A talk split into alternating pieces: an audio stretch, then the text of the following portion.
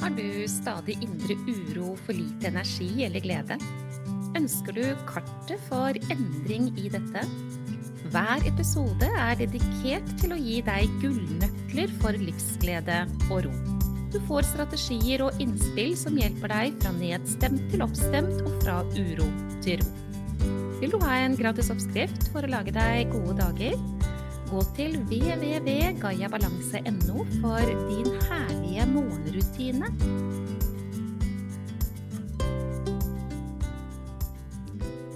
Denne episoden den skal handle om frykt.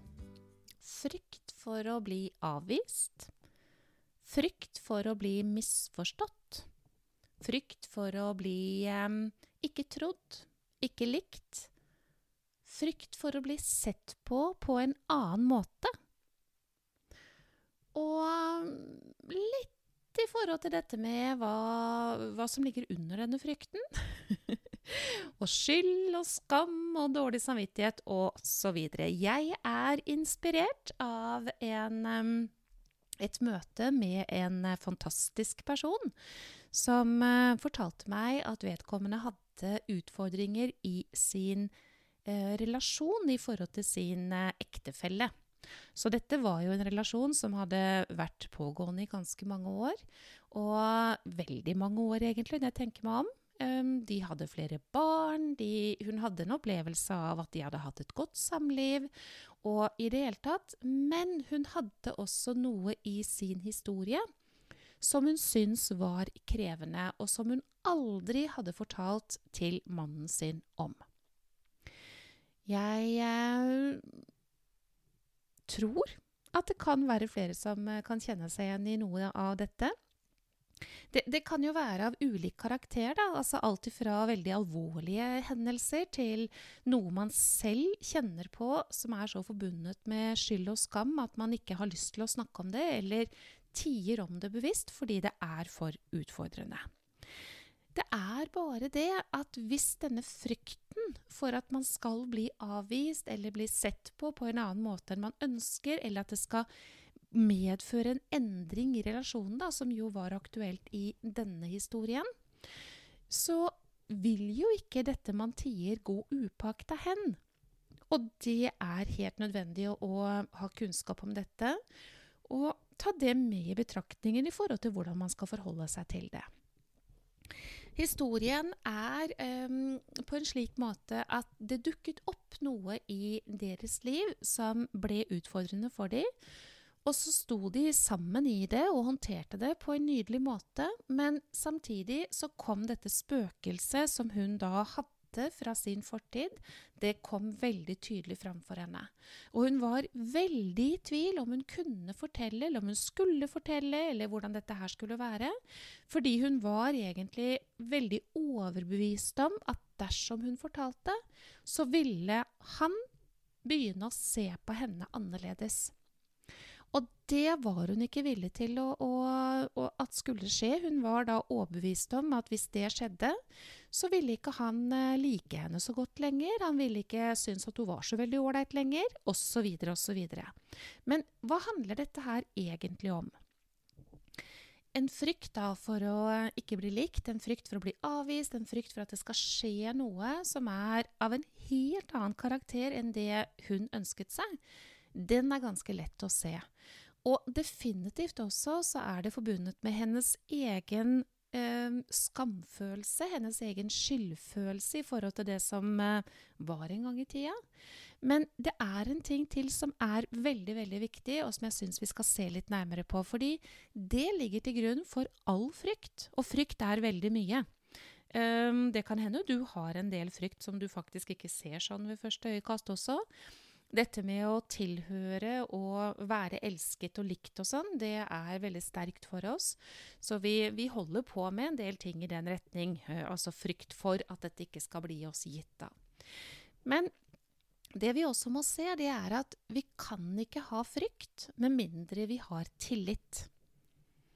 Så det som skinner igjennom her i forhold til denne historien som er utgangspunktet og min inspirasjon for å dele det jeg gjør med deg i denne podkasten, det er jo at hun i sitt valg om å ikke si noe Eh, styrt av skyld og skam, ja, absolutt, men også denne frykten egentlig sier at hun ikke har tillit til at den personen som hun har levd med i veldig, veldig mange år av sitt liv, faktisk vil kunne møte henne. Vil kunne omfavne, vil kunne håndtere. Kanskje hun da ikke har tillit til at relasjonen er så sterk, hvilket hun egentlig mener at den er. Men valget om å tie kan jo faktisk avsløre noe annet. Eller hvis man da ser, når man begynner å stille seg disse spørsmålene, er det det det handler om? Er det mangel på tillit? Så kanskje man ser at ja, men da har jeg jo ingenting å frykte. For tillit eier jeg jo. Jeg tror jo ikke at det skal skje en katastrofe hvis jeg nå forteller. Hvis jeg velger å fortelle og ha tillit til at jeg blir møtt med det gode, Tillit til at vår kjærlighet og relasjon er så sterk at jeg blir ikke avvist. Tillit til at jeg blir omfavnet og holdt. Tillit til at det er trygt for meg å kunne fortelle. Er ikke det helt avgjørende i relasjon, da, kjære lytter? Dette med tillit til at den andre vil en selv vel. Det er um, når jeg sier det til deg nå, så hører jeg jo at det er jo helt avgjørende for relasjoner i hele tatt.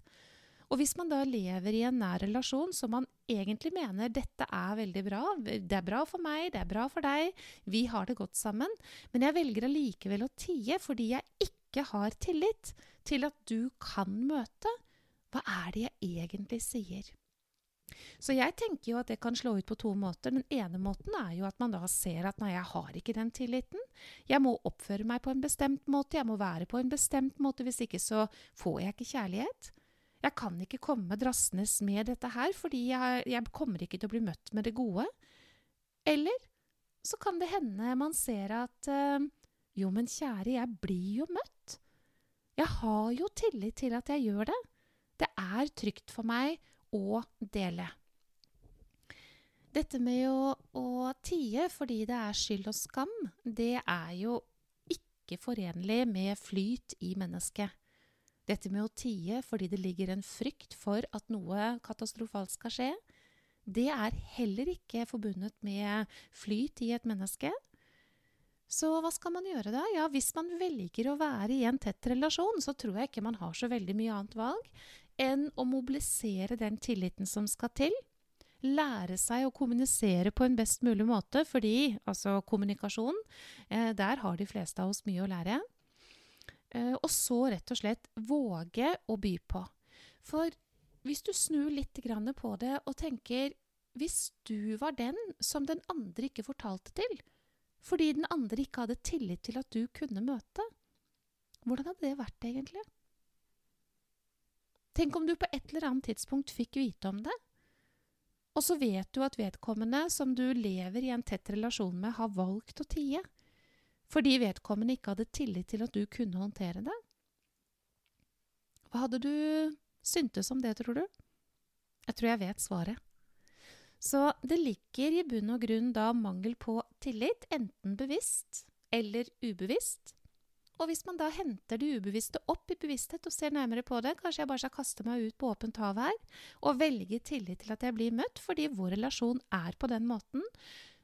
Ja, også kommunisere det på en slik måte at den andre kan ta imot. Ja, da er nok sjansen veldig, veldig stor for at det der går veldig bra. Belastningen av å tie, den er så sterk at hvis du er opptatt av din helse, så er ikke det løsningen. Det går ikke upaktet hen, det er en underliggende stressord hele tiden, som selvsagt påvirker både livskraft og livsglede og livskvalitet og livslengde, fordi det er en stor stressord, eh, og det har du rett og slett ikke råd til. Så med tillit, ingen frykt. Tillit, det kan man velge. Og um, en tett relasjon uten den nødvendige tilliten Nei, da må man ta en jobb i den relasjonen, tenker nå jeg. Jeg eh, håper at du fikk noe ut av dette. Jeg kjente at jeg fikk det, faktisk. og da har det i hvert fall hatt stor verdi for meg, og så håper jeg det samme for deg. Og så håper jeg at du går inn på um, nettsiden min gayabalanse.no og eh, klikker din herlige morgenrutine hjem til deg, fordi den er også av betydning for hvordan du skal ha det gjennom dagene dine. Og denne flyten jeg snakker om, den er av betydning for deg som menneske. Um, ja. Det er egentlig det det handler om. Så frykt for at han skal se meg på en annen måte, nei, det er mangel på tillit. Er det grunnlag for den mangelen på tillit? Eh, nei. OK, kommuniser på den måten som er verd å kommunisere på. Det kan hende du skal lære deg den måten. Den har jeg lært bort til mange, og den, den, damen jeg har hatt i tankene når jeg har snakket om dette, hun har lært det, så hun kommer til å håndtere dette på en glimrende måte. Ha det!